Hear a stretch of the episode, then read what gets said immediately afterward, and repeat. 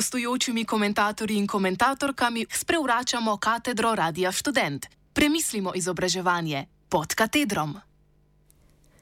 Novo leto, nova stavka o vrednosti pedagoškega dela. V luči začetka zaostrovanja dejavnosti sindikata vzgoje, izobraževanja, znanosti in kulture Slovenije nas je zanimalo, zakaj ima po mnenju Sviza vlada podcenjujoč odnos do stavke zaposlenih v šolstvu in kaj z njim sporoča v kontekstu vrednotenja pedagoškega dela. Komentira glavni tajnik Sviza Branimir Štrukel. To vprašanje je seveda predvsem za vlado, zakaj ima tako neenak odnos do naših stokovnih zahtev v odnosu do tistih v zdravstvu. Kajti racionalnega razloga za razlikovanje ni lahko zgolj uh, sklepamo, da gre za podcenjevanje problema v vzgoju izobraževanju, za zatiskanje oči pred tem, da smo soočeni z eno največjih ali pa sploh z največjo krizo v zadnjih 30 letih v izobraževanju, ki se kaže v pomankanju strokovnega osebja, učiteljev, učitelj, vzgojitelj, pomočnikov vzgojitelj in tudi tehničnega osebja, pa tudi v nekaterih drugih zelo pomembnih vprašanjih.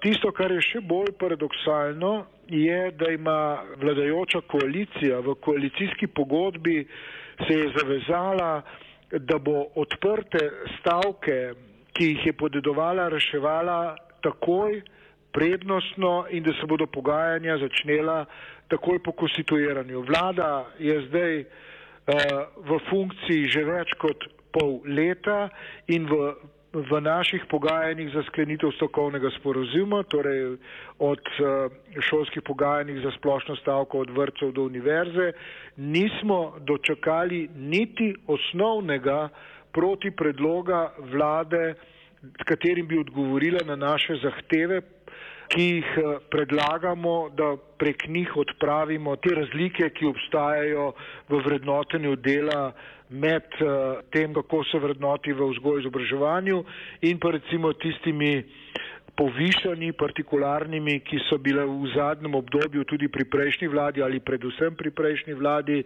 očitno recimo uh, partikularni dvigi v vojski, v policiji, v zdravstvu uh, in še kje bi se našlo. Ne? Skratka, vlada krši svojo lastno koalicijsko uh, pogodbo in seveda poglablja krizo v vzgoju in izobraževanju. Jaz ne trdim, da jo je mogoče rešiti zgolj z ustreznim vrednotenjem dela v vzgoju in izobraževanju. Nikakor ne, ta kriza je kompleksna, se veže tudi na dejstvo, da, je, da imamo enega najstarejših učiteljskih populacij v Evropi, pa tudi na dejstvo, da bi nujno potrebovali resne, torej strukturne reforme v izobraževalnem sistemu, ampak vrednotenju, boljšemu vrednotenju dela, če želimo zagotoviti ustrezno strokovno osebje, se ne moremo izogniti.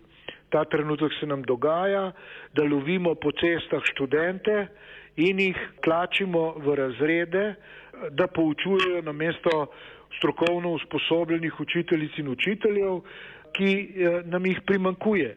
In jasno je, kaj je lahko učinek tega, te situacije, da bo seveda kakovost javnega izobraževanja uh, nujno padla.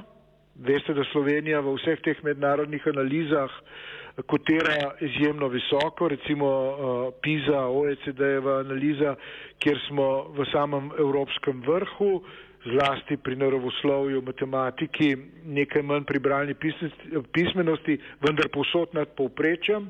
In to je ena od izjemnih dragocenosti, ki jih ta država ima, da ima kakovostni javni izobraževalni sistem, s katerim se zdaj na nek način igramo in tvegamo, da ga bomo poslabšali, sesuli, potem pa bomo potrebovali 15 let, da bomo ponovno prišli na nivo, na katerem smo še ta trenutek, če sploh.